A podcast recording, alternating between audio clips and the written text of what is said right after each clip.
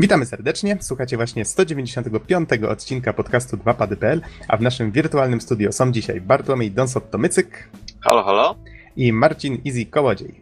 Cześć, witam serdecznie. A mówi Adam Naksa 15 Dębski. Nagrywamy we wtorek 30 czerwca 2015. I E3 już za nami, panowie, więc możemy troszeczkę odetchnąć. Mieliśmy cza trochę czasu, żeby, żeby złapać oddech i zagrać w jakieś, w jakieś gry. Nie wiem, czy skorzystaliście z tej okazji, ale myślę, że najpierw powiem tylko, że głównym tematem dzisiejszego odcinka będzie recenzja najnowszego Batmana, czyli Batman Arkham Knight troszeczkę takich zaległych newsów, które się pojawiły na przykład w połowie miesiąca, ale ze względu na czy nie mogliśmy o nich wspomnieć, też skomentujemy. I myślę, że przejdziemy teraz do takiego naszego standardowego pytania, więc będziecie mogli powiedzieć, czy faktycznie mieliście czas w coś zagrać. Czyli panowie, w co tam ostatnio graliście?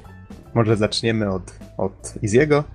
E, ogólnie ostatnio różnie tak z czasem nagrania, szczerze powiedziawszy, ale e, udało mi się chwilę szpilnąć w Metro Last Lighta w wersji Redux. Coś tam zacząłem Dishonored, które mam zamiar w końcu skończyć. A dodatkowo no dobra. Ostatnio sporo grałem w bijatyki 2D, najróżniejsze Ultra Street Fighter, Skullgirls i tak, i tak dalej, więc prędzej czy później pewnie wypowiem się na ich temat, jakaś recenzja może się przyszukuje. Mhm. Tutaj rozmawialiśmy o tych bijatykach, przynajmniej o niektórych przed podcastem i muszę przyznać, że podchodzisz do sprawy bardzo hardkorowo, to nie wiem, czy jest właściwe słowo, ale, ale bardzo profesjonalnie. No, kiedyś, wiesz, kiedyś się grało w to Kalibura czwórkę, gdzieś tam się cierało z y, czołówką Polski, no to teraz też wydałoby się być chociaż trochę reprezentatywnym. Brzmi poważnie. A co ty, Don, grałeś? Ja całkowicie niereprezentatywnie i jak najbardziej indywidualnie. Mhm. Grałem sobie w najnowszego Wiedźmina.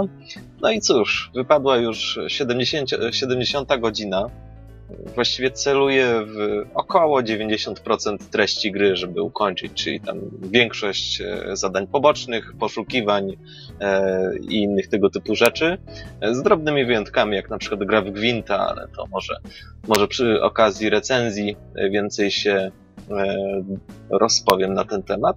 No i cóż, jak na razie jestem na Skellige i walczę ze znakami zapytania, które są bardzo groźne oczywiście, chyba to jest główna plaga tego świata. Tam chrzanić potwory, to znaki zapytania są naj, naj, najgroźniejsze. Więc tak to u mnie jest. No cóż, gra na razie jeszcze się nie chce kończyć, ale ja się nie śpieszę i jak mówię, chcę jak najwięcej zrobić, bo myślę, że myślę, że warto.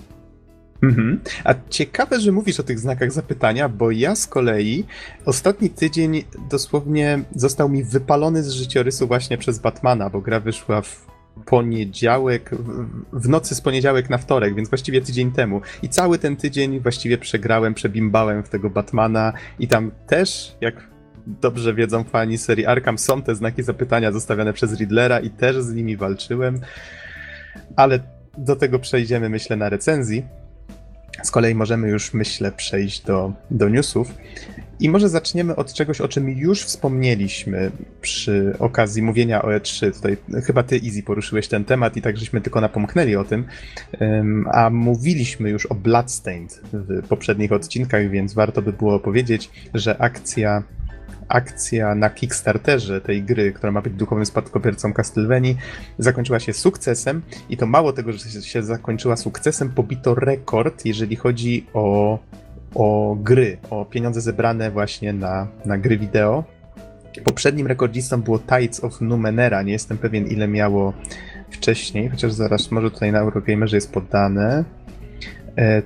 Tak, że zostało wyprzedzone o niemal pół miliona dolarów, tylko że ten news chyba nie był pisany po zakończeniu akcji, więc e, może przytoczę po prostu bez tego, ile Tides of Numenera zebrało.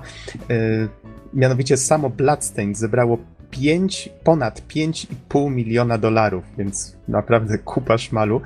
E, z kolei 64 tysiące osób wpłaciło pieniądze na tę grę. No i tutaj może nie będę przytaczał wszystkich E, wszystkich rzeczy, jakie zostały odblokowane przez nich w trakcie tej akcji.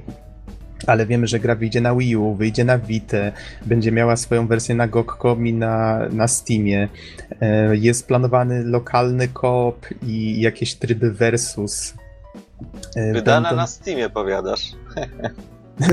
znaczy, no będzie wersja PC, mówiąc wprost. Będzie New Game Plus. Będzie... To standard, prawda? Każda wielka gra na Steamie. Sure, sure. True that. To się zgadza. Ma być jakiś tryb Classic Mode, mają być... A jeszcze, tak wybaczyć się wtrącę, to, to no jeszcze ten wątek rozmieniają przy okazji Batmana, podejrzewam.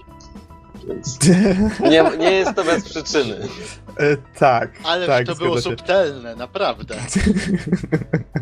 O Jezu, wspaniałe, wszyscy, milordzie. Wszyscy tak jeżdżą po, tym, po tej wersji pecetowej, ale okej, okay, okej, okay, wrócimy jeszcze do tego, bo to jest dość istotna informacja, jeżeli chodzi o Batmana. E, co tu jeszcze mam? E, że... Mogę, mogę, mogę, mogę. A, ależ proszę. E, jeszcze odnośnie Kickstartera, to e, warto wspomnieć, że regalia of Men and Monarchs, z, e, które jest tworzone przez Studio Pixelated Milk, właśnie dobiło do 40 tysięcy dolarów, nawet przebiło. Aktualnie mają 62 tysiące dolarów, 67 godzin do zakończenia akcji na Kickstarterze. Y, a wspominam o tej grze dlatego, bo to jest produkcja polska. To y, jeszcze y, chcą uderzyć, że tak powiem, w czuły punkt trochę i mój, i zapewne wielu, wielu graczy, takich trochę staroszkolnych, dlatego, bo chcą zrobić prawdziwego polskiego taktycznego japońskiego RPGa. O, słyszałem o tym. No, brzmi, to, brzmi to trochę śmiesznie, trochę jak, e, mówią, że trochę jak połączenie e, Disgaea i Persony z jakimiś lekkimi elementami 4X, ale osobiście czekam, wspieram i mam nadzieję, że naprawdę no, że gier, gierka po prostu się uda i, e, i się dobrze sprzeda. Mhm. Okej, okay, to dorzucę link, który mi przed chwilą wkleiłeś pod podcast, czy właściwie pod okładkę na, na Facebooku jeszcze. Z kolei wracając jeszcze na moment do, do Bloodstain, tutaj może wymienię jakieś, jakieś ciekawsze mm, te, te odblokowane elementy. Zapowiedziano, że będzie mm, generowany proceduralnie dungeon, będzie jakiś boss revenge mode, tutaj nie jestem nawet pewien co to będzie, że głosy w grze podłożą Robbie Belgrade i David Hater. Tutaj Belgrade z tego co pamiętam, podkładał głos pod Alucarda w Symphony of the Night. Z kolei David Hayter, to tutaj wiele osób powinno go znać z roli Snake'a. No i jest tutaj jeszcze więcej tego wszystkiego, jest tego całkiem sporo. Mam nadzieję, że faktycznie uda się te wszystkie obietnice spełnić, bo jest ich zadziwiająco dużo wręcz na tyle dużo, że mam wrażenie, że twórcy trochę, trochę przegięli, polecieli tak marketingowo po całości z tą akcją i może dopiero teraz się zastanawiają, jak tego wszystkiego do, dotrzymać. Mam nadzieję, że jednak nie, ale, no, ale dobrze im życzę. Lecąc dalej. No wiesz, w sumie też mhm. ilość zebranych pieniędzy też zobowiązuje do tego, żeby było spektakularnie. tak, to prawda. Za króla Sasa jedz i popuszczaj pasa. Mm, wracając na nasze rodzime podwórko. Już jakiś czas temu, nie pamiętam kiedy to dokładnie było, w Polsce został zorganizowany po raz pierwszy koncert Video Games Live i on teraz powraca, będzie miał miejsce w Katowicach i będzie to, y, będzie to 16 listopada. I tutaj news na GameZilli póki co podaje, że ceny biletów nie są jeszcze znane. Nie jestem pewien, czy to się zmieniło, bo ten news jest z 18 czerwca, czyli już troszeczkę czasu, troszeczkę czasu minęło. Z kolei, e, z kolei inna informacja, też z rodzimego podwórka. Jakiś czas temu przed E3 mówiliśmy o tym, że CD Projekt Red pochwalił się wynikami sprzedażowymi Wiedźmina e, trzeciego i niedługo po tym pojawiła się informacja, że Komisja Nadzoru Finansowego no cóż, nie była zadowolona ze sposobu, w jaki ta informacja została podana. Nie jestem właściwie to kompletnie nie znam się na giełdzie, nie będę udawał, ale wychodzi na to, że ta informacja, z tego co widzę tutaj na e, PCLab.pl, informacja tego typu powinna zostać podana przez specjalny system, specjalnie dla, e, dla osób posiadających te akcje e, CD Projektu. I najzwyczajniej w świecie został ten system pominięty i ta informacja została podana od razu do, do publiki. CD Projekt się broni w ten sposób, że oni chcieli potraktować to jako informację marketingową, ale no cóż, ich akcje wzrosły znacznie. Tutaj widzę, że o, 20, o około 20% po ogłoszeniu tej informacji, więc ktoś prędzej czy później musiał się przyczepić, że, że jednak ta informacja powinna zostać najpierw do akcjonariuszy mm, podana. No wiesz, mówiąc krótko, giełda to jednak, ja też się nie znam na giełdzie, muszę powiedzieć, ale, ale ostatecznie jednak wiemy, że giełda to są jednak pieniądze, czasem nawet poważne pieniądze, w przypadku CD Projektu na pewno. E, I inwestorzy, ludzie, którzy po prostu z tego żyją, często na tym zarabiają.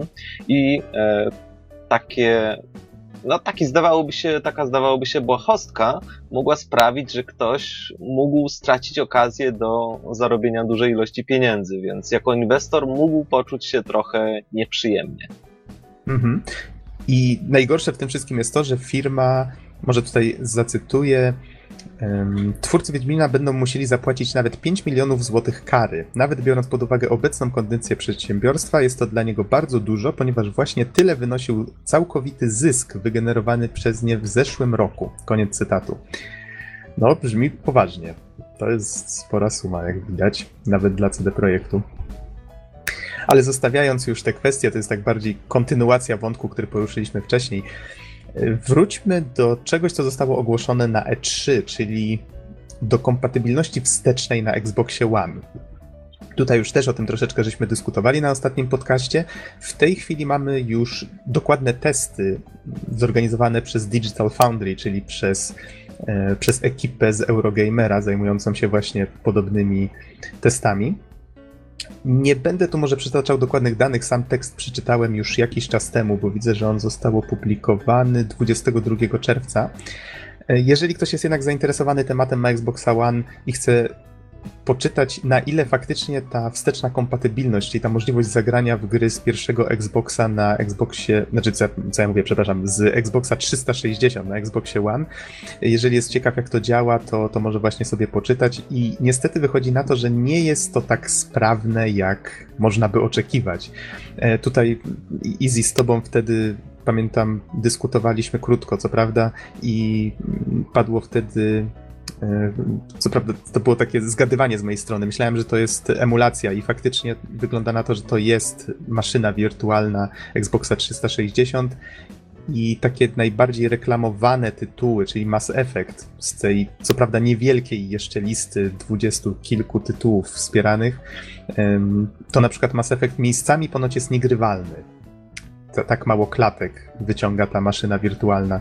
Niektóre inne tytuły, no to już lepiej. Da się w nie grać, czasami, czasami faktycznie jest dobrze, czasami jest średnio, czasami jest gorzej. Warto sobie przeczytać ten tekst, jeżeli ktoś chciałby korzystać z tego, ale najważniejsza informacja jest taka, że to póki co nie jest aż takie sprawne, jak, jak zapowiadano, albo jak można było oczekiwać. Właśnie niestety tak jak, tak jak mówiłem, że trochę się obawiałem tego, że to będzie emulacja, a nie będzie wsparcie natywne, chociaż według mnie mogliby się pokusić o natywne wsparcie. No, no cóż. Niestety... Na, natywne wsparcie chyba masz na myśli sprzętowe, tak? E, tak, tak. Tylko, Dlatego, że to by to... wtedy wymagało montowania starych podzespołów w nowych konsolach, czyli mm. osoby, które już mają Xbox One nie mogłyby z tego korzystać. Nie do końca, dlatego, bo to jednak są to już są architektury zbliżone bardzo do takich, że tak powiem, pecetowych, więc to nie jest tak, że nie dałoby się zrobić czegoś takiego. No ale widzisz, mimo wszystko inżynierowie z Microsoftu stwierdzili, że nawet te zbliżone architektury są na tyle różne w przypadku Xboxa 360 i Xboxa One, że no muszą jednak emulować ten, ten sprzęt, co nie? Nie mogą go tak po prostu przenieść tych no, gier. Niestety. Ale tutaj już możemy się domyśleć choćby y, dlaczego Sony powiedziało, że nie planuje w żaden sposób kompatybilności wstecznej na Player 4, więc... Myślę, że z tego samego powodu. To Dokładnie, właśnie o tak. To, to jest jednak dodatkowa praca. No tutaj w tekście redakcja Eurogamera spekuluje, że może będą jeszcze pracować nad tą wydajnością, że może to faktycznie będzie kiedyś działało dużo sprawniej. No, miejmy nadzieję, że faktycznie, bo to jest fajny feature. Według mnie każda konsola powinna mieć kompatybilność wsteczną. Nintendo pokazuje, że się da. To, to myślę jest coś, co warto naśladować. Z innych informacji, co my tutaj mamy? Epic Games Poland które kiedyś nazywało się People Can Fly, w tej chwili znowu jest People Can Fly. Masło maślane. Mianowicie w być może już niektórzy zapomnieli, ale to studio, które stworzyło pierwszego Painkillera, w pewnym momencie zaczęło współpracować z Epiciem, stworzyło dla nich PC-ową wersję Gears of War, stworzyło ją na tyle dobrze i dodali na tyle fajny content, którego w tej grze początkowo nie było. Tam był dodatkowy rozdział cały przez nich zrobiony, że Epic postanowił mm, tą, poszerzyć tą współpracę. W pewnym momencie wykupił to studio, nazwa zmieniła się na Epic Games Poland. W tej chwili najwyraźniej studio znowu będzie mogło znowu będzie niezależne, będzie mogło pracować nad czym chce, choć widać, że Epic nadal, nadal współpracuje z People Can Fly. Czyli nadal będą prawdopodobnie pracować razem nad silnikiem innymi Unreal Engine 4 i, i jedynie dobra informacja jest taka, że People Can Fly będzie mogło teraz sobie pracować też nad jakimiś innymi projektami własnymi, tak. To jest całkiem, całkiem, całkiem fajne info, trzeba przyznać. Więc to taka bardziej ciekawostka z rodzimego rynku. Z innych, z innych informacji coś, o czym z tobą, Don, rozmawiałem, gra, którą wyłapałeś na, na Kickstarterze, Perception. E, okazało się, że akcja zakończyła się sukcesem i i tutaj widzę na, na Eurogamerze.pl news, że może zacytuję, za niecałe 30 godzin, na niecałe 30 godzin przed zakończeniem kampanii na Kickstarterze wpłacono już ponad 160 tysięcy dolarów. Premierę zaplanowano wstępnie na czerwiec przyszłego roku na PC, koniec cytatu. I widzę na, na stronie Kickstartera, że wejdę może na stronę samej kampanii, że miało zostać zebrane 150 tysięcy, zebrano 168 tysięcy dolarów i wpłaciło 4 ponad 4300 osób, czyli nie tak dużo, mogłoby się wydawać, ale fajnie, że, że projekt udało się sfinansować, bo wypowiada się całkiem fajnie. I co my tutaj jeszcze mamy? Wrzucimy pod podcast jeszcze e, filmik z Shadow Warriora 2, konkretniej gameplay. E, muszę przyznać, że obejrzałem i bardzo mi się spodobał. Fajnie, że, że koop e, dodano do tej gry. Mam nadzieję, że ogram niedługo poprzednie części, bo, bo faktycznie dwójeczka zapowiada się całkiem miodnie. Trochę tak jak jakby połączyć Sirius sama z hmm, z Duke Nukem. Nie jestem pewien, czy to dobre, dobre określenie, ale zapowiada się bardzo, bardzo miodnie. Tak właśnie zastanawiam się, gdzie w twoim jakby streszczeniu tego yy, brakuje połączenia z Chivalry Medieval Warfare, albo z War of the Roses, albo z Mountain Blade'em. Przecież tutaj walka bronią białą też odgrywa pewne znaczenie i chociaż nie jest tak zachwycająca, jak pewnie by mogła być, jakby oczekiwali od tego fani e, tego typu rozgrywki, to jednak mimo wszystko jakoś to w całości wygląda całkiem porządnie. Mhm. A przede wszystkim jest takie, takie dynamiczne i nie traktuje siebie do końca serio, jakby to powiedział Norbert. Mam wrażenie, że on używał takiego sformułowania. Tak, zwłaszcza tutaj nawet cdaction.pl redaktorów zwrócił uwagę fakt, jak przeładowywany jest broń, tam strzelba, która jest obracana w dłoniach i e, bodajże nabój jakoś podrzucany w powietrze przed przeładowaniem i tak dalej, i tak dalej, więc tego typu elementy są nawet trochę wymyślne. Mi osobiście e, no nie do końca pozytywny element wpadł w oko, że bohater jednak po kataną, bo chyba właśnie to jest ta broń, e, wywijają kurczę jak cepem. No, trochę, trochę, jakoś, trochę jakoś to nie wygląda, ale, ale jak mówię, całość ogólnie prezentuje się całkiem porządnie. Machasz wać pan tą kataną jak cepem. No zobaczymy. Mi się podoba i muszę przyznać, że nawet bym z chęcią zagrał w koopie w to. I o, to już jest nas dwóch. Haha, super. E, a, a, kiedy ma być premiera? Tak, mm, nie, nie wyłapałem tej informacji. Ale gra niedawno została zapowiedziana, więc, więc pewnie jeszcze jest czas. Jeszcze na pewno będziemy o tym mówić i do tego wrócimy. Myślę, że najwyższa pora przejść do recenzji. Dzisiaj akurat udało nam się z newsami uwinąć całkiem szybko, no ale na E3 umówmy się, już żeśmy się dość nagadali na najbliższe pół roku, jak nie rok. Więc tak, może się, może nam nie zaszkodzi, jeżeli się dzisiaj trochę bardziej streszczycimy, choć recenzja zapowiada się dość spora. Okej, okay, zacznijmy ją może od pewnych informacji dotyczących wersji PC Batman Arkham Knight. Oj tam, oj tam. Bo co? Co by tu właściwie. Hmm, jak, jakby to zacząć? No cóż. Zrobiła się mała... zacznij. Mogę, mogę? Zrobiła się mała drama w sieci. Proszę, Easy, możesz, możesz e... opowiedzieć o dramie w sieci. To słuchajcie, pe e, pewnego pięknego dnia pewna firma stworzyła port e, pięknej gry, ale niestety był tak słaby, że wycofali go ze sprzedaży. Po! Tyle, koniec. A nie, No tak, tak całkiem serio. To Mhm. e, ogólnie Rocksteady zajmowało się de e, deweloperką. Tak? Zgadza się, Rocksteady? Mm, tak, tak, tak. To oni E, tworzyli grę. Oni tworzyli grę na konsolę, która jest świetnie oceniana, śmiga, hula, pięknie po prostu wszystko chodzi, ale niestety port gry został, po pierwsze to, że nawet w, sam, w samym procesie tworzenia gry nie było osobnej ekipy od, od tego, żeby, żeby optymalizować od razu na PC-ta, co niestety boli. I port został wykonany y, przez zewnętrzne studio, które nie brało, nie brało udziału czynnego, przez co jest, no, jest po prostu strasznie słaby. Ma problemy z wydajnością, ma problemy z tym, że się zwiesza, jest strasznie okrojony, jeżeli chodzi o ilość funkcji. Framerate jest przecięty do 30, chociaż można oczywiście odblokować, ale to trzeba grzebać w plikach konfiguracyjnych. Coś gdzieś poszło naprawdę nie tak, jeżeli chodzi o produkcję Batmana na wersji PC-owej, o czym już w sumie masa ludzi się wypowiadała, zarówno, zarówno samych użytkowników, którzy po prostu nie mogą, nie są w stanie grać w grę, dlatego, bo działa tak Nie- słabo. Nie mogę grać w grę. Dokładnie. A w jaką? W Tomb Tomb Raider. Raider. A nie, przepraszam, Batman. Y, Ale bądź co bądź. Nie mogą, nie mogą sobie szpilać i jest wielka drama. I zarówno youtuberzy, recenzenci z najróżniejszych zakamarków świata, wszyscy jednym chórem mówią ludzie, tak się kończą preordery. Y, I Zwróćcie uwagę, że już któryś raz mówimy na podcaście o sytuacji, w której gra, która wyszła, gra, która zapowiadała się powiedzmy bardzo dobrze, nie spełnia podstawowych jakby, jakby wymagań, czyli działania. To jest kurczę, taki dosyć niepokojąca tendencja. Watch Dogs. Ale tak. O, o, ta, tak, tylko tutaj E, warto. E, tak, Assassin's Creed Unity, to, to prawda. Jest troszeczkę. Te, te pierwsze wielkie tytuły obecnej generacji faktycznie, znaczy pierwsze, no. Mm, No ale takie, które faktycznie były zapowiadane jeszcze w poprzedniej, jeżeli się nie mylę, tak? Czy, czy już pamięć mnie myli? Za stary się robię chyba na to. E, Nieważne, pomijając te kwestie, ale, ale faktycznie jest to taka niepokojąca tendencja.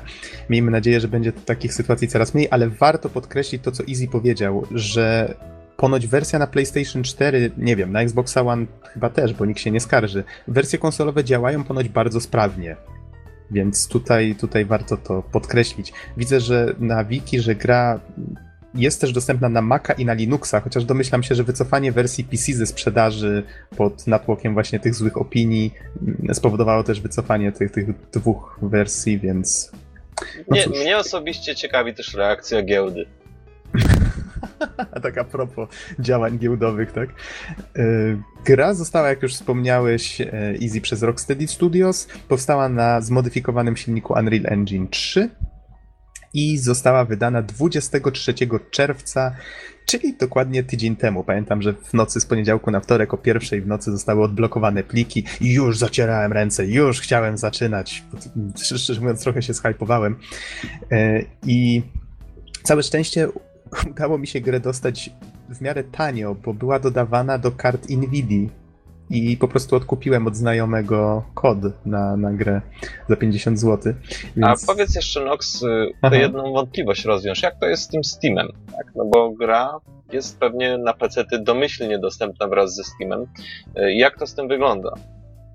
To znaczy, ja ze swojej perspektywy mogę powiedzieć tylko tyle, że po wycofaniu z gry ze sprzedaży ja nadal mogę w nią grać. Czyli ona jest nadal dostępna, jeżeli już ktoś ją kupił. Jeżeli ktoś pewnie ma klucz, to może ją odblokować na Steamie. Nie sprawdzałem, możecie teraz sprawdzić, ale chyba nie da się jej kupić w tej chwili na Steamie i z tego co słyszałem jest wycofywana ze sklepów. No, Senega... ja osobiście mogę jeszcze powiedzieć, Aha. że jeszcze jak niedawno byłem w Saturnie, w Złotych Tarasach w Warszawie, to jest samo centrum, to jeszcze pudełka z Batmanem były. No i podejrzewam, że jeśli ktoś faktycznie kopię sobie kupi, to, to nie będzie mieć żadnych problemów z tym, żeby ją, żeby ją sobie zarejestrować i posiadać na swoim koncie. Mhm. Czyli bardzo możliwe, że w tej chwili nie są wysyłane po prostu kolejne mm, kopie, tak jak Easy tutaj już zauważył w naszej dyskusji przed podcastem. E, Z, z kolei może opowiem troszeczkę o swoich wrażeniach, jeszcze nim przejdę do recenzji właściwej, tak? O, o tych takich drobnych problemach, które właściwie zwiastowały, że coś jest nie tak. Przede wszystkim gra na początku nie chciała mi się w ogóle włączyć. Po prostu czarny ekran, tak? Y, zauważyłem, że bardzo niska rozdzielczość jest domyślnie włączona i udało mi się to rozwiązać włączając domyślne ustawienia w NVIDII, bo akurat tego dnia wyłączyłem domyślne ustawianie. NVIDIA w swoim oprogramowaniu automatycznie dostosowuje pewne gry, które wspiera do, do pewnych takich optymalnych wymagań. Ja akurat tą opcję wyłączyłem i okazało się, że źle zrobiłem, bo, bo gra w ogóle nie chciała się bez tego uruchomić. Potem już sobie oczywiście zmieniałem wszystko jak chciałem, ale okazało się, że opcje graficzne w menu gry są strasznie ubogie. Był tam bodajże tylko anti-aliasing, były opcje do cieni, były opcje do tekstur i to chyba, nie wiem, jeszcze może dwie jakieś były, to wszystko. Było tego bardzo niedużo. Jeszcze dziwnie były ponazywane, na zasadzie można było wybrać na przykład low albo normal, ale nie było high, albo brakowało też jakiejś opcji ultra albo czegoś w tym rodzaju. No, było bardzo ubogo pod tym względem. No, chyba ogólnie najgorsze, co mogło być, to anti-aliasing. Yes, no. tak, tak, dokładnie. Nie, nie i, można... takie, wow, gram na PC, nie? Gdzie normalką jest, że wchodzisz w anti-aliasing, a tam masz MSAA, SMAA, FXAA, jakiś tam inny AA, razy, ej, ej, ej. razy 2, razy 4, razy 8, razy 16, nie? A tutaj no mówiąc jest krótko, no. mówiąc krótko, całe archiwum opcji, które, przez które przemierzanie mogło być spokojnie osobną grą. Y, dokładnie, ale właśnie to jest piękne w graniu na PC ale jeszcze ważne odnośnie tych opcji, że właśnie w grze są strasznie ograniczone. To jest. Nie można wyłączyć motion blura, na którego dużo graczy narzeka. E, tak, to ja się, ja się dołączę do tych narzekań. Jest to chyba jedyny. Bo tak, bo ogólnie rzecz biorąc, gra u mnie działa sprawnie całkiem sprawnie. Ja naprawdę ja ją przeszedłem. Ja spędziłem przy niej kurczę 55 godzin i zawiesiła mi się w tym, w tym czasie dwa razy tylko dwa razy. Y, ludzie się skarżą na to, że potrafi się crashować co pół godziny. U mnie nie było czegoś takiego. Faktycznie Widać, że przy niektórych momentach y, framerate gry znacznie zwalnia i u mnie to właśnie był motion blur. Jeżeli bardzo mocno kamera bardzo silnie machnęła i widać było to zamazanie ekranu, wtedy faktycznie klatki spadały bardzo drastycznie i całe szczęście nie był to aż tak częsty efekt, ale z chęcią bym go wyłączył. Z kolei okazało się, że grzebanie w tych plikach inni nie zawsze daje mm, dobre efekty. Udało mi się na przykład odblokować framerate, bo gra posiada w opcjach coś takiego jak Test Your PC, że możesz sobie włączyć benchmark i testować, jak dużo klatek masz. I ja chyba z pół godziny spędziłem w tym benchmarku, włączając i wyłączając takie opcje, które są tylko na PC. One zostały dodane przez Nvidia i pozwalają na przykład dać lepszy deszcz, smugi światła, e, zwiększyć liczbę e, różnych papierów i śmieci, które się walają wokół postaci i które reagują powiedzmy na, na kopnięcie, tak, czy przejście obok. E, I, I ten dym. Dym jest chyba efektem, który niestety musiałem wyłączyć, bo tak obciąża wszystko, tak chyba tak samo jak włosy w Wiedźminie. Udało mi się włączyć wszystko poza właśnie tym dymem. A ten dym na tym benchmarku, jak Batmobil buksuje kołami i zostawia za sobą takie sterty dymu, który jeszcze, jeżeli ktoś przez niego przebiegnie, albo mm, powiedzmy z peleryną, czy, czy jakkolwiek, to on też się tak porusza, jakby ktoś go dmuchnął, tak, w to powietrze. No, świetna sprawa, naprawdę mi się ten efekt podoba, ale nie byłem w stanie z nim grać, więc no, no mówi się trudno, choć próbowałem zmniejszać rozdzielczość, cudować, cuda nie widy. W każdym razie to, co chciałem powiedzieć na temat tego benchmarka, to to, że w nim framerate jest odblokowany, czyli mm, przekracza te 30 fps-ów, z kolei w grze już jest zablokowany, więc trzeba go odblokować ręcznie właśnie w plikach INI. Całe szczęście nie jest to trudne, mm, ale warto o tym wiedzieć w każdym razie.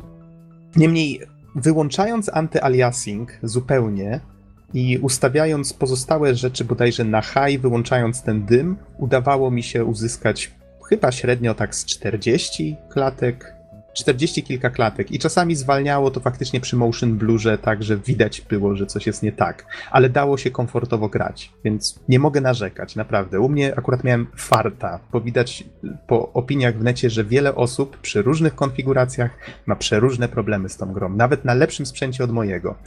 No właśnie, bo, e, wiesz co, bo tutaj jeszcze całkiem sporo zależy od dysku twardego. E, nie wiem, właśnie masz dysk twardy czy SSD?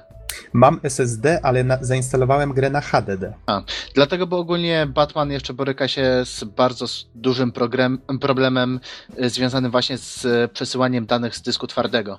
Jeżeli to jest HDD, to czasami właśnie jedzie się widać strasznie po pierwsze doczytywanie, po drugie właśnie lecą, leci sam framerate, dlatego, bo gra czeka na strumień informacji z dysku twardego i właśnie to będą adresować pierwsze patche. Mhm, bo ponoć właśnie na konsolach na konsolach nie ma tego problemu, a one przecież nie, nie mają tych dysków SSD. E, Dobrze, że o tym wspomniałeś, bo to też jest rzecz, o której chciałem wspomnieć, czyli tekstury, to doczytywanie się. O ile te, te, takie drobne spadki płynności przy doczytywaniu się to jest akurat coś, do czego przywykłem w wielu grach, więc to mnie jakoś nie raziło, ale tekstury faktycznie w niektórych miejscach przynajmniej, zwłaszcza na zbliżeniach, jak chciało się czemuś przyjrzeć z bliska, albo powiedzmy mm, gra zaczynała, e, zbliżała kamerę do postaci, którą, którą Batman na przykład przesłuchuje, to widać było wyraźnie, że ta tekstura na tej postaci jest cała rozmazana i dopiero po paru sekundach się robiła widoczna, więc Ale, ale tak, to, to, to był... ogólnie są niskie, bardzo niskiej jakości tekstury na obiektach w Batmanie, więc to nawet nie chodzi tutaj o samo wczytywanie i to, że jest mhm. właśnie rozmazany, tylko no, są strasznie niskie jakości tekstury. A powiem ci, że mimo to gra i tak wygląda fenomenalnie. Y, tak, ale właśnie zauważ, całkiem y, właśnie zawdzięcza to wszystkim efektom. Tak, jakby tak, jakby wyłączyć deszcz plus do tego część oświetlenia, o, to nie prezentowałaby się zbyt pięknie. A powiem ci, że ten deszcz jest naprawdę świetny. Jeżeli stoi się na szczycie jakiejś wieży z tą peleryną i nagle ruszy się do przodu, to ta peleryna tak odrzuca te krople wokół i fajnie, no, pięknie to wygląda. Te efekty są... Ja wiem, że to jest tylko taki bajer graficzny i po pewnym czasie w ogóle się przestaje na niego zwracać uwagę, czy na te doczytujące się tekstury, czy cokolwiek. Gra jest po prostu zbyt miodna, żeby zwracać na to uwagę. Wiesz e... co, chyba niechcący poruszyłeś też jeden z najbardziej charakterystycznych banałów filmach o superbohaterach, ten banały zwłaszcza we wczesnych latach 2000, czyli bohater, który zadumany stoi na szczycie wieżowca i na przykład patrzy w dół i pada deszcz. No to jest taka klasyka zupełnie. Ale ta gra umożliwia nam właśnie y, stanie się takim, takim stereotypowym bohaterem, tak? Tym stereotypowym Batmanem.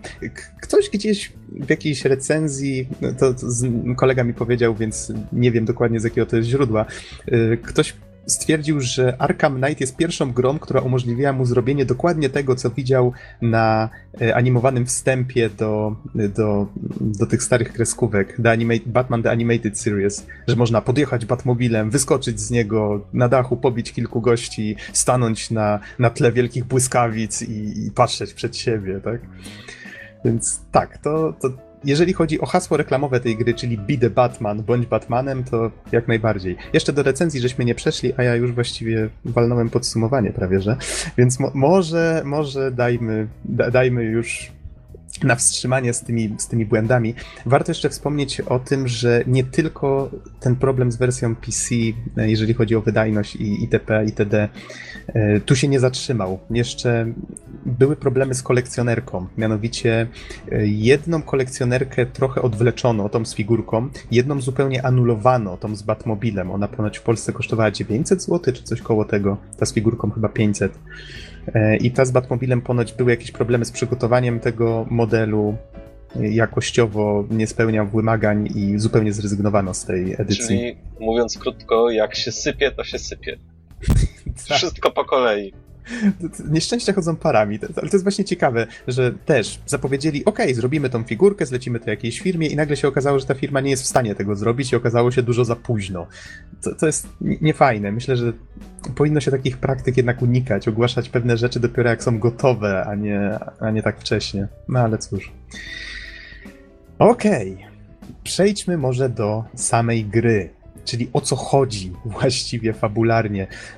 I Batman Arkham Knight jest właściwie czymś takim dla tetralogii, no bo ja tutaj zaliczam, y, zaliczam Arkham Origins do, do tego grona. Wiem, że niektórzy stwierdzają, że ta gra jest niby najsłabsza ze wszystkich, ale mi się mimo wszystko podobała. Czyli mamy Arkham Asylum, mamy Arkham City, Arkham Origins czyli prequel i teraz mamy Arkham Knight, mamy taką te tetrologię i Arkham Knight jest właściwie dla tej serii Arkham tym, czym Wiedźmin 3 jest dla, dla właśnie growego Wiedźmina, czyli to jest właściwie taka, taka konkluzja tej serii. Więc gra musi mieć naturalnie dużo większą. Um, wydarzenia mają, są na dużo większą skalę. I tu już na początku jest nam to bardzo fajnie pokazane. Zresztą ja postaram się o fabule mówić jak najmniej. I robię to z pełną premedytacją, bo jest w niej mnóstwo fajnych zwrotów akcji, mnóstwo fajnych wydarzeń, smaczków dla fanów Batmana, które z całą radością wręcz wyskubywałem z tej gry. I nie chciałbym komukolwiek zepsuć zabawy. Więc powiem tylko takie rzeczy, które są faktycznie niezbędne, żeby zrozumieć, o co w nich chodzi. Pojawia się Scarecrow, czyli strach na wróble, znany przeciwnik Batmana, który z, z, reguły używa swojego gazu, który wywołuje strach u, u jego ofiar. A właściwie nie tyle strach, co sprawia, że urzeczywistniają się ich największe lęki. No i grozi, że zagazuje całe Gotham. I tak szczerze powiedziawszy, dla wszystkich znawców, czy po prostu fanów Wiedźmina, to nie, to nie, są, nowe, to nie są jakieś nowe wieści. To jest e, Wiedźmina? Everyday News. E, powiedziałem Wiedźmina? Tak. Batmana, Batmana. E, tak, to prawda. To, to, to nie są wcale jakieś specjalne wieści. Który to on już raz próbuje zagazować cały Gotham, ale już prolog gry bardzo fajnie. Zresztą, jak ktoś widział pokazówkę na E3, to widzieliście ten prolog prolog pokazuje bardzo fajnie test tego, właściwie test, coś właściwie takiego pokazu, że on pokazuje, że to było na małą skalę, a teraz wyobraźcie sobie, że ja użyję tego na całym mieście. I co robi Gotham? Ewakuujesz ponad 6 milionów mieszkańców i miasto jest puste. No cóż, na miejscu pozostaje jedynie policja, pozostaje Batman i setki bandziorów, które zostają, żeby skorzystać z okazji i zrabować co się da. Zaczynają wybuchać zamieszki. No i cóż. E, to jest idealna okazja, żeby wyruszyć na miasto w Batmobilu, prawda? Sęk w tym, że niedługo potem pojawia się jeszcze jedna figura w tej, w tej całej sytuacji nieprzyjemnej, mianowicie pojawia się tytułowy Arkham Knight. Nie wiemy, kim on jest. Widać jednak od razu, że jest to przeciwnik godny Batmana, bo no, no, widać, że zna sposób, w jaki Batman radzi sobie z problemami. Potrafi właśnie zaplanować swoje działania tak, żeby, żeby faktycznie Batmanowi coś się nie powiodło. No i mówiąc krótko, no jest to przeciwnik nie lada. Nie, nie, chcę tutaj wchodzić w żadne szczegóły, bo jest to jedna z największych niespodzianek tej gry, żeby odkryć, kim właściwie jest ten Arkham Knight. Poza tym Arkham Knight posiada swoją prywatną armię i współpracując ze Scarecrowem i innymi czarnymi charakterami y, znanymi z uniwersum Batmana, zajmuje całe miasto. Czyli miasto nie że jest opustoszone z cywili, co jest dość wygodnym designerskim rozwiązaniem, bo możemy po nim szaleć tym Batmobilem, ale o tym za chwilę. To jeszcze do tego jest pełne, pełne armii różnych bezzałogowych dronów czy, czy czołgów z którymi też walczymy. No, jest, w fabule jest dużo fajnych niespodzianek, dlatego nie chciałbym za dużo jeszcze mówić. Dodam jeszcze, że twórcom udało się zbudować wrażenie, że mierzymy się z takim zadaniem niemożliwym. Jest tu dużo zwątpienia, napięcia, emocji. E, są fajne zabiegi designerskie, jeżeli chodzi o prezentowanie niektórych sytuacji, czyli na przykład zmiana punktu widzenia pewnych wydarzeń. Na przykład widzimy jakieś wydarzenia z punktu innej postaci. Y, bardzo fajnie to wyszło i ponownie nie chcę tu podawać konkretnych przykładów, ale mógłbym na pewno się w kilku sytuacjach tutaj, kilka sytuacji opisać dość dokładnie i na pewno była, wyszłaby z tego fajna dyskusja. No i tutaj jeszcze kończąc o fabule, warto dodać tak, tak dla smaczku, że jak zwykle w serii jest dużo rozmów między zbirami w mieście, które słyszymy przy, podsłuchując rozmowy radiowe. Jak zwykle są one dość zabawne, rozwijają czasami świat gry i... Warto, dost... poznać, warto poznać osobowość ludzi, których, których zaraz skujesz mordę. tak, dokładnie. I dostosowują Mówię dosyć się... brutalnie oczywiście. dostosowują się oczywiście wszystkie te wypowiedzi do ostatnich wydarzeń w fabule.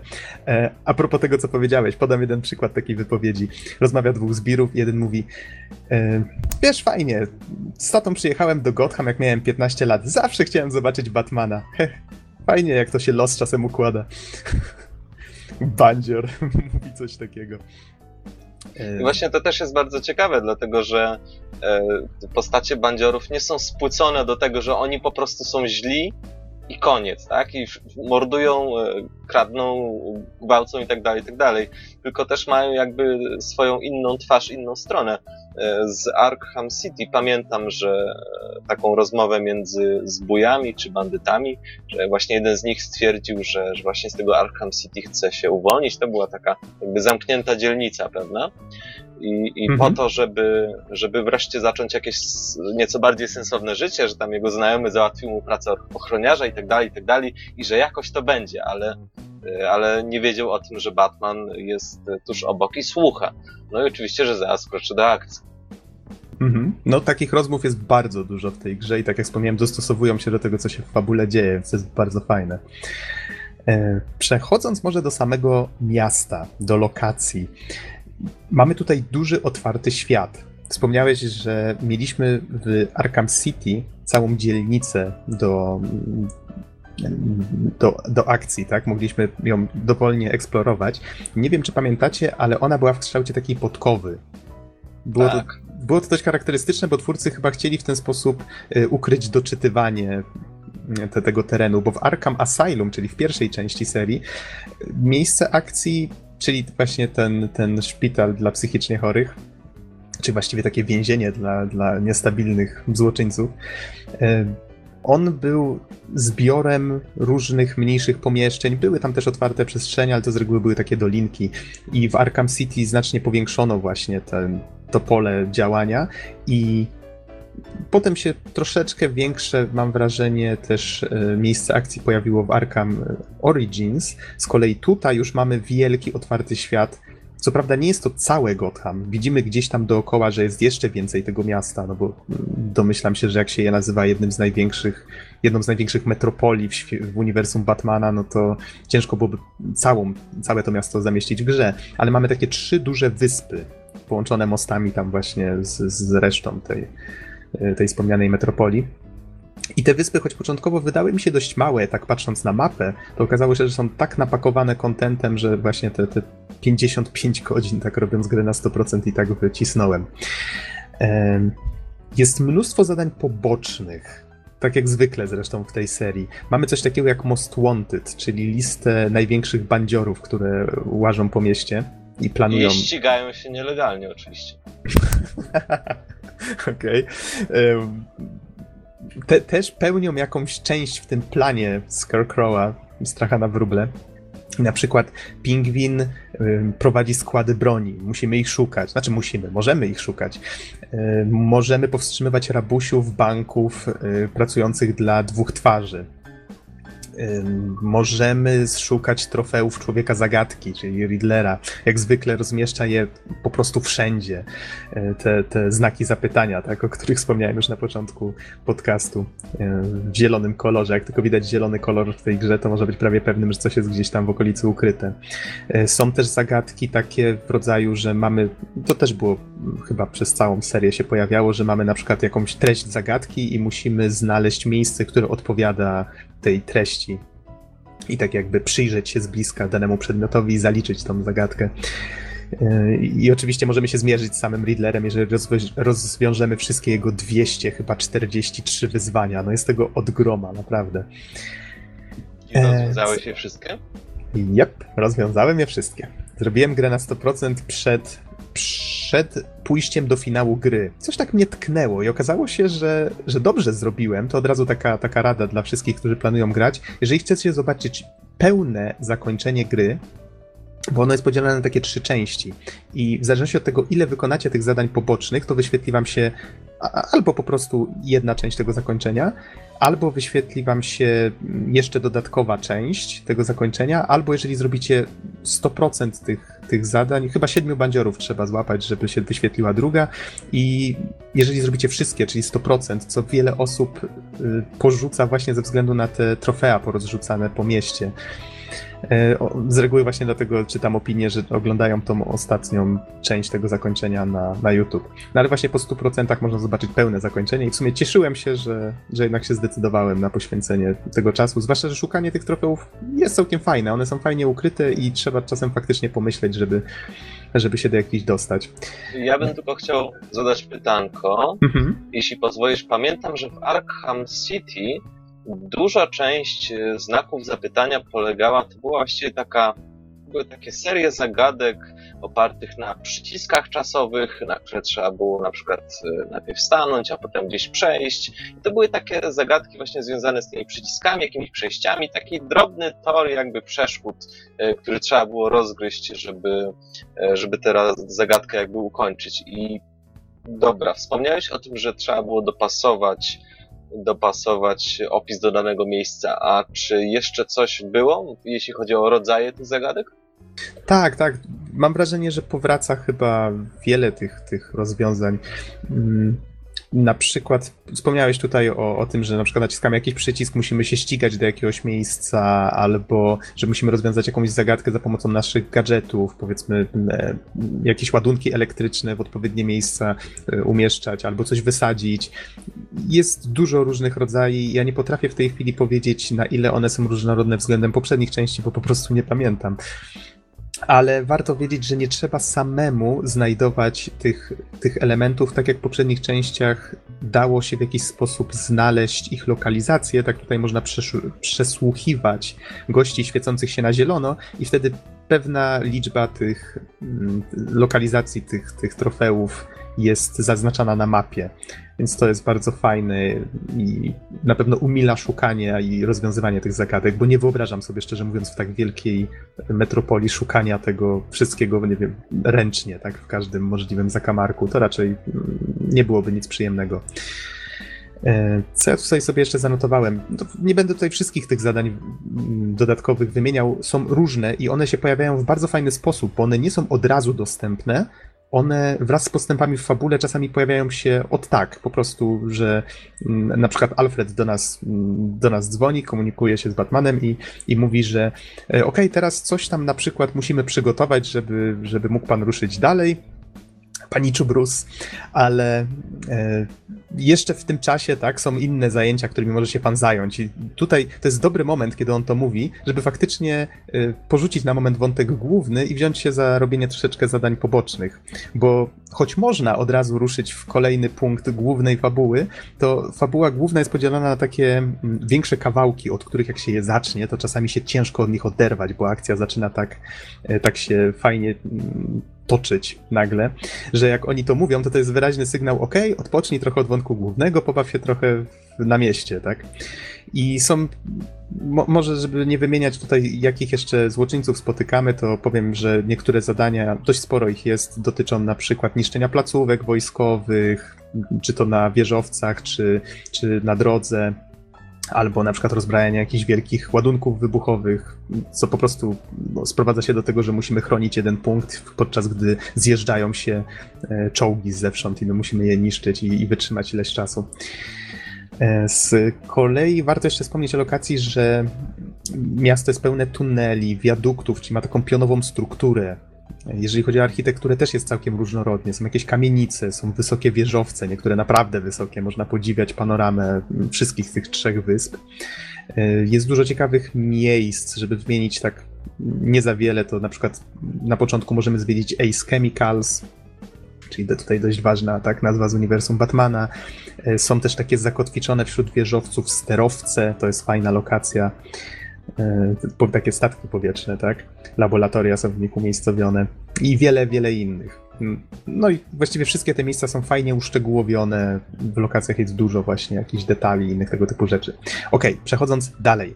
Mechanika. Tutaj myślę, że nie będę się rozwodził za dużo. Powiem tylko, że duża część tej mechaniki jest Wam już zapewne znana z poprzednich części. Czyli nadal bawimy się w łowce w, w, niektórych momentach, czyli na przykład wisimy gdzieś pod sufitem i, i musimy, i, i, musimy po kolei eliminować gości, którzy kontrolują otoczenie, w sensie obserwują je i, i czekają na nas, tak? I nie możemy po prostu ich zaatakować, bo na, nasz kostium. A, właśnie, Batman ma nowy kostium, to też wygląda całkiem fajnie.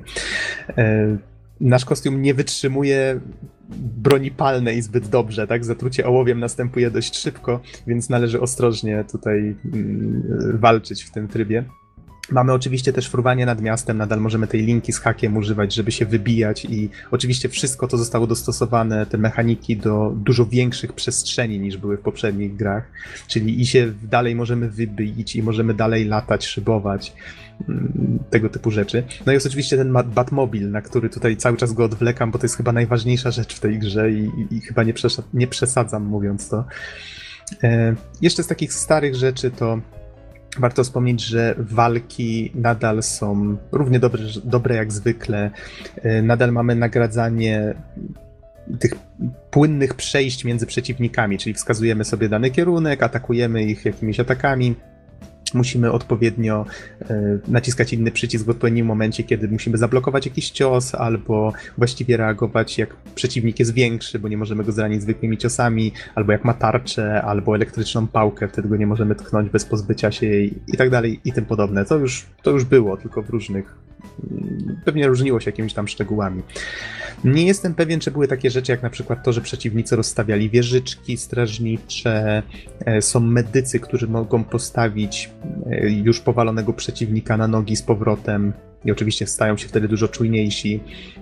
Jest też coś takiego, czego sobie nie przypominam, może było, e, mianowicie grupowy finisher. Jeżeli tylko raz kogoś po cichu znokautujemy, wtedy podświetla się taka ikonka strachu. Jeżeli ona jest jasna, to wtedy możemy z zaskoczenia wykonać właśnie taki grupowy finisher. Wtedy grupa przeciwników musi stać koło siebie i wtedy jeżeli powalimy jednego, to mamy kilka sekund na to, żeby skierować kamerę w stronę najbliższego. Czas wtedy tak fajnie, efektownie zwalnia i możemy zaatakować kolejnego i potem jeszcze kolejnego i tu w zależności jak sobie ulepszymy postać, to możemy od trzech chyba do pięciu tak powalić od, od razu. Tylko celnie wymierzonym takim grupowym finisherem. Fajna rzecz w sumie. E, jak zwykle możemy szybko wykorzystywać różne gadżety, czy tam hakowanie i to w walce i poza nią, tak? Możemy hakować różne rzeczy, możemy rozkładać ten wybuchający żel i go wysadzać kiedy chcemy. Mamy jakieś tam działko elektryczne. E, chyba nową rzeczą jest podrabianie czyjegoś głosu. Czyli możemy w pewnych momentach fabuły e, Batman tworzy jakby symulację głosu czyjegoś i następnie możemy wykorzystywać tę symulację, żeby wydać komuś wydać komuś rozkaz, czyli na, na przykład powiedzmy mamy symulację głosu Arkham Knighta i wtedy i wtedy mówimy, że zaznaczamy jednego kolesia i mówimy mu pójdź tam albo sprawdź tą skrzynkę. Nie możemy nadużywać tej umiejętności i jeżeli tylko wykorzystamy ją tam dwa, trzy razy, to wtedy Arkham Knight mówi swoim ludziom, żeby zmienili e, kanał nadawania, bo, bo Batman nauczył się nowej sztuczki, tak? E, niektóre gadżety w grze nie są obowiązkowe, mm, więc też fajnie, że trzeba czasami pomyśleć, poszukać, żeby, żeby je mieć, bo są potrzebne na przykład do tego, żeby wszystkie trofea zdobyć. Nie są obowiązkowe do skończenia wątku głównego. No i jak wspomniałem, można rozwijać postać, czyli tam zdobywamy doświadczenie za walkę, mm, ale tylko tę konieczną. Nie możemy po prostu lać losowych gości na ulicy, bo za to chyba expa nie było.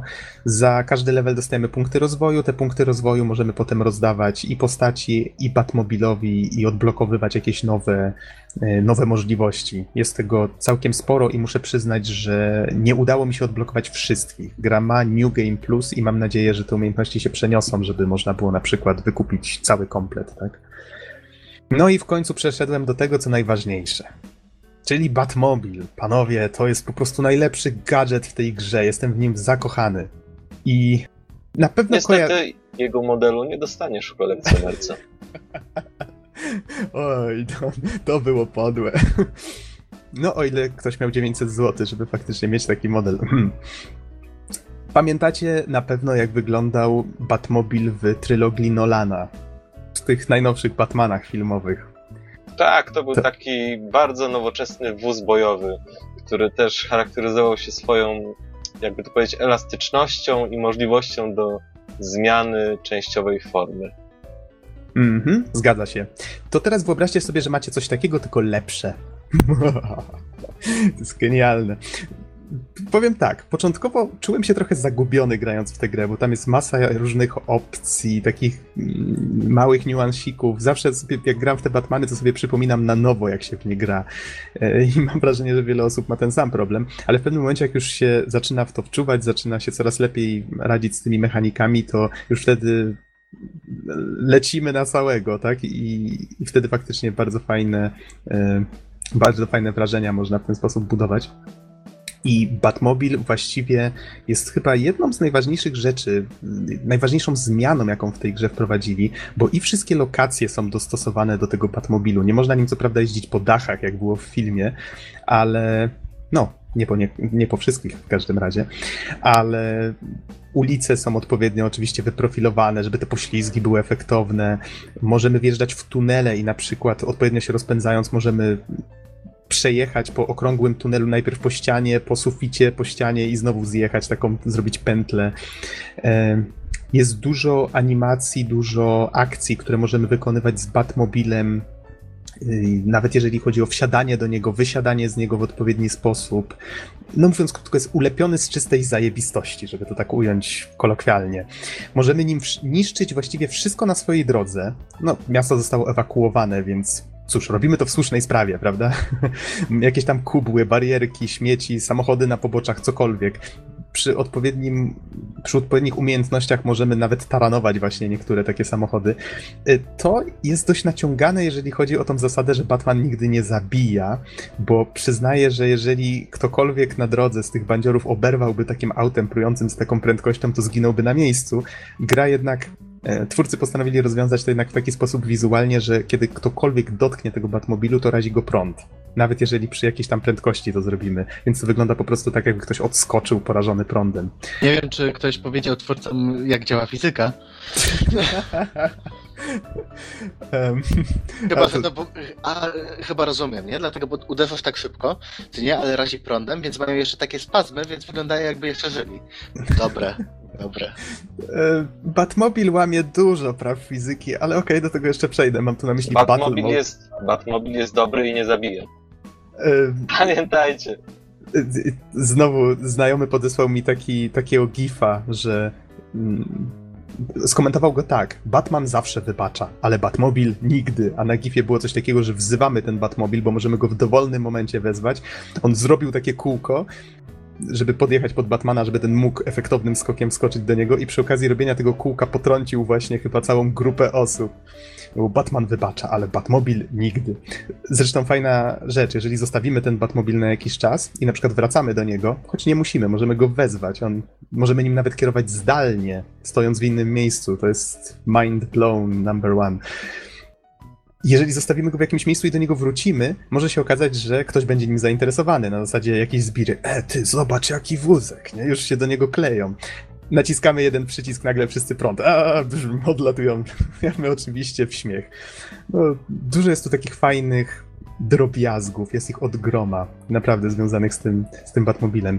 Mm, spodobało mi się to, że przy tym niszczeniu i poruszaniu się w ogóle po okolicy, jak się w różnych grach, jak się ścina zakręty, to z reguły wpieniające jest to, że na przykład trafimy w narożnik budynku. Tutaj twórcy rozwiązali to tak, że narożniki niektórych budynków da się zniszczyć. Mało tego, jeżeli czasami jest jakaś wystawa sklepowa, chociaż nie za często to się zdarza, mm, w narożniku budynku, możemy przejechać dosłownie przez ten sklep.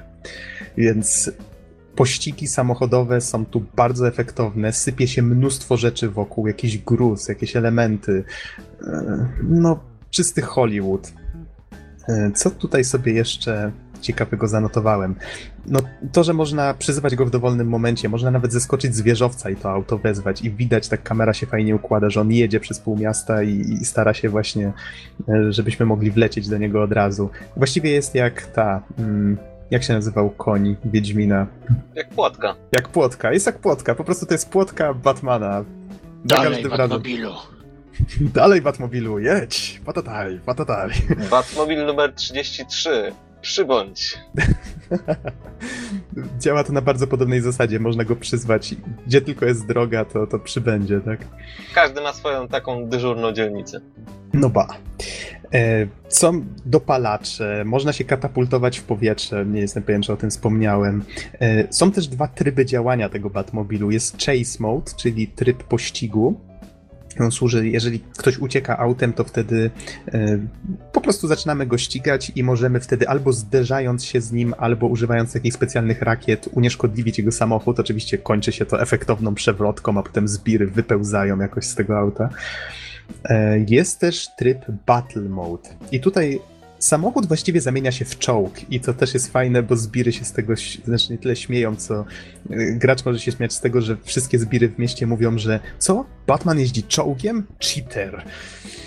I tak, to faktycznie przestaje być samochód, to zaczyna być czołg w tym trybie. Najzwyczajniej w świecie pojawia się działo i i koła samochodu wyginają się w taki sposób, że jesteśmy w stanie manewrować w dowolnym kierunku, bardzo precyzyjnie. I to jest pierwszy właściwie poważny zarzut, jeżeli chodzi o łamanie wszelkich praw fizyki, no ale to Batman, więc jemu wolno, prawda?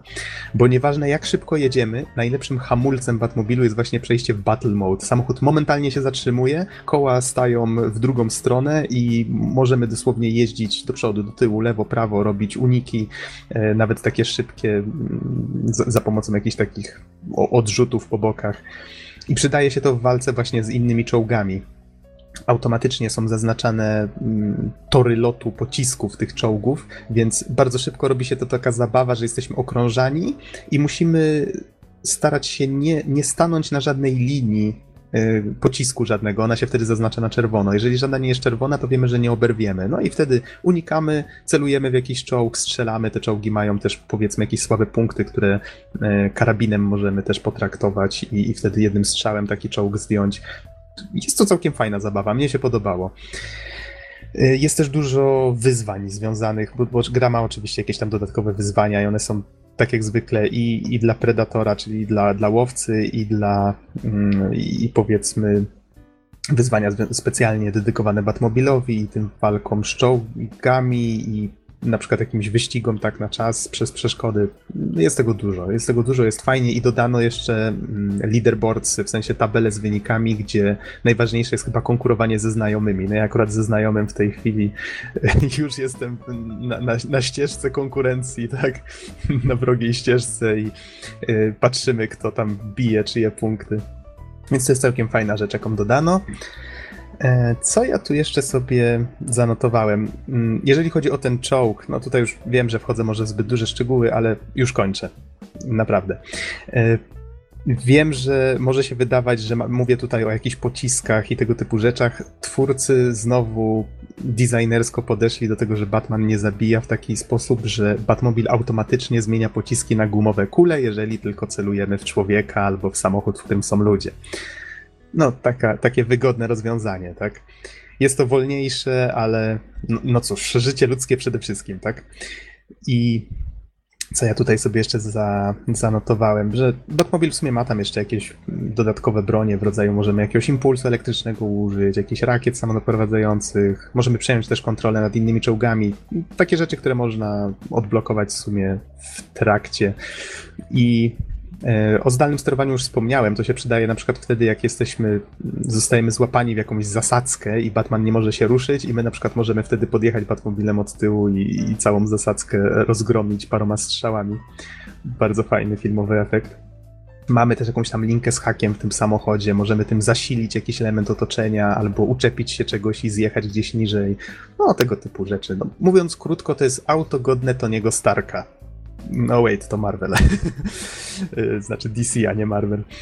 Zresztą auto, jak tylko je włączamy, uaktywniamy, to wydaje odgłosy jak z Transformerów, więc yy, wow, it's made of awesome, naprawdę. Brakuje Wiem, jeszcze, żeby ten, żeby na, na yy, w kokpicie Batmobile był zainstalowany HOF 9000. You don't hustle the HOF. Tak, y, mówisz o tym z Kung Fury, tak? Jak ktoś jeszcze nie widział, to polecamy, tak? Półgodzinny film darmowy w sieci. E, na Kickstarterze zresztą sfinansowany.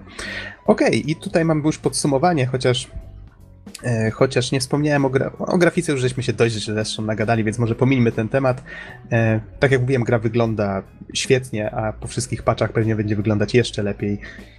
O muzyce myślę, że nie będę dużo mówił. Właściwie warto wspomnieć tyle, że jest tak samo dobra jak była, jest zachowana w tych samych klimatach i tak samo jak w poprzednich częściach, jeżeli na przykład dobrze nam idzie neutralizowanie gości, którzy patrolują daną okolicę, to z każdym kolejnym, najpierw jest cisza, a potem z każdym kolejnym gościem y, muzyka się nasila. Bardzo fajny efekt, tutaj też go zachowano już przechodząc do końca, gra ma oczywiście jakieś tam rzeczy do odblokowywania, jakieś mm, informacje o postaciach, taśmy z nagraniami, e, całkiem fajne, rozbudowujące backstory. E, mamy właśnie te wyzwania, o których już wspomniałem dla Batmobilu i, i inne, które pozwalają nam i rozwijać postać i właśnie rywalizować ze znajomymi. E, gra zajęła mi, przejście jej na 100% zajęło mi 50, około 55 godzin. Przy czym myślę, że na wątek główny, i tutaj mam trochę problem, żeby to oszacować, bo ja właśnie tak skakałem z kwiatka na kwiatek, ale tak na oko to z 10-20 godzin można spokojnie z tej gry wycisnąć tak chyba bez, bez bawienia się w jakieś takie szukanie szczegółowo wszystkich tych trofeów e, Riddlera. No i cóż, wspomniałem już o tym, że zakończenia są odblokowywane stopniowo na podstawie progresu. Już są zaplanowane DLC y, z epizodami y, nie tylko dla Batmana, tam chyba przede wszystkim dla innych postaci, bo w grze pojawiają się też y, sojusznicy Batmana. Tak jak w Arkham City pojawiali się głównie w DLC, tak tutaj oni się pojawiają normalnie w fabule i odgrywają dość ważną rolę. Czyli mamy Nightwinga, mamy Robina, jest Oracle, czyli Barbara Gordon. No jest oczywiście, jest oczywiście sam, e, sam, sam Gordon. No i są planowane DLC i właściwie chyba jedyne, co jeszcze mogę powiedzieć o tej grze, czego jeszcze nie powiedziałem, to to, że to jest oczywiście zdecydowany must have dla każdego fana Batmana. Bawiłem się świetnie i jest to cudowne zwieńczenie serii Arkham. Świetna gra w ogóle kupcie ją, znaczy, przepraszam, nie możecie jej kupić, bo jej teraz nie ma i czuję się z tym bardzo źle, że tak ją polecam, a jej nie ma w sklepach. Kurde, to jest podłe. Znaczy jest w sklepach, ale, ale są to jednak utrudnienia. Wiesz co, mnie właśnie najbardziej, właściwie najbardziej z całej tej recenzji zastanawia fakt, czy w ogóle warto się na, na teraz zabierać za kupowanie tej gry. Jeśli są z nią takie problemy, to no właśnie, jest to ryzyko i wydaje mi się, że raczej nie odpowiemy na to pytanie teraz. Bardzo dobrze, żeś to nazwał, to jest po prostu ryzyko. No może działać, może nie działać. Niestety produkt jest niedopracowany na tyle, że nie ma takiej pewności. No i tutaj, tutaj nie mogę z czystym sercem polecić, ale jeżeli chcecie kupić grę na kons- wersji na konsolę, no to jak najbardziej jesteście pozbawieni tego ryzyka. Jeżeli chcecie kupić ją w wersji na PC, no to już robicie to na własną odpowiedzialność. Może warto poczekać. Ja jak najbardziej zachęcam do tego, żeby w grę kiedyś zagrać, bo jest świetna, a jeżeli nie graliście jeszcze w serię Arkham, a lubicie Batmana, no to zacznijcie najlepiej od początku, bo to faktycznie ta gra tak podsumowuje w pewien sposób całą tą, e, całą tą serię.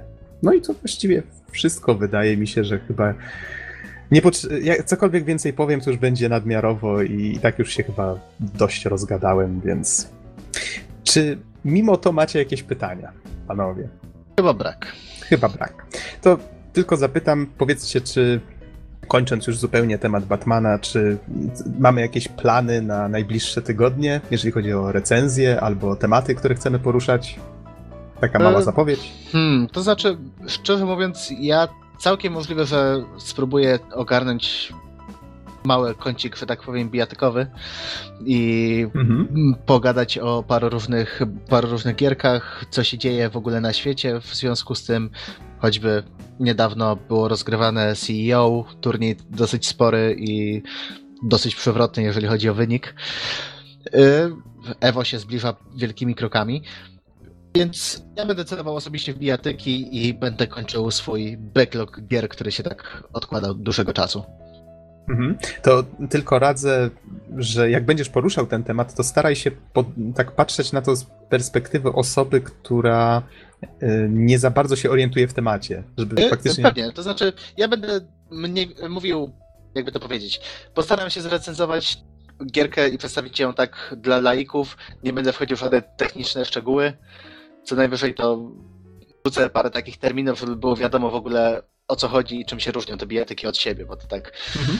niby dużo ludzi patrzy na to, że e, przecież wszystkie bijatyki to są takie same, nie? Przecież to jak masz Street Fightera, no to wszystkie bijatyki 2D są takie same. No, to nie jest do końca prawda, masz rację. No właśnie. Ja, Okej, okay. będzie słowniczek pojęć bijatykowych Easy'ego. E, A, a ty, Don, masz jakieś plany na najbliższy ten, na najbliższe tygodnie?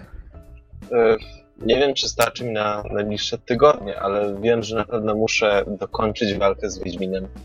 I Oj, ja wreszcie, też. wreszcie grę zrecenzować. Jest bardzo duża, jest w niej bardzo, bardzo dużo treści. No i jak mówię, ostatecznie pewnie nie skończę ją na 100%, dlatego że nawet y, bardzo drobna część y, poszukiwań, y, tam jeden czy dwa questy są po prostu zablokowane przez błędy, a przynajmniej tak mi się wydaje, że tak właśnie jest. E, Natomiast, no, no cóż, no walkę tę będę kontynuować na pewno, e, dosyć ochoczo. Jak mówię, teraz mam około 70 godzin. Gra na razie nie zapowiada się, żeby się kończyła. Dużo jeszcze znaków zapytania. Patrzy na mnie groźnie z poziomu mapy, więc, więc będę z nimi walczyć i, no i kiedy to zrobię, oczywiście można się spodziewać dosyć obszernej, dużej recenzji. Znaki zapytania? Riddle diddle, it's time for a riddle! Co to jest? Trwa ponad godzinę i właśnie się kończy. Wiedźmin? Hem. Nie do końca, Batmanie, nie do końca. to podcast. A konkretniej ten odcinek, więc dziękujemy Wam bardzo za uwagę i do usłyszenia w następnych odcinkach. Trzymajcie się. Dzięki wielkie, cześć. Cześć, cześć.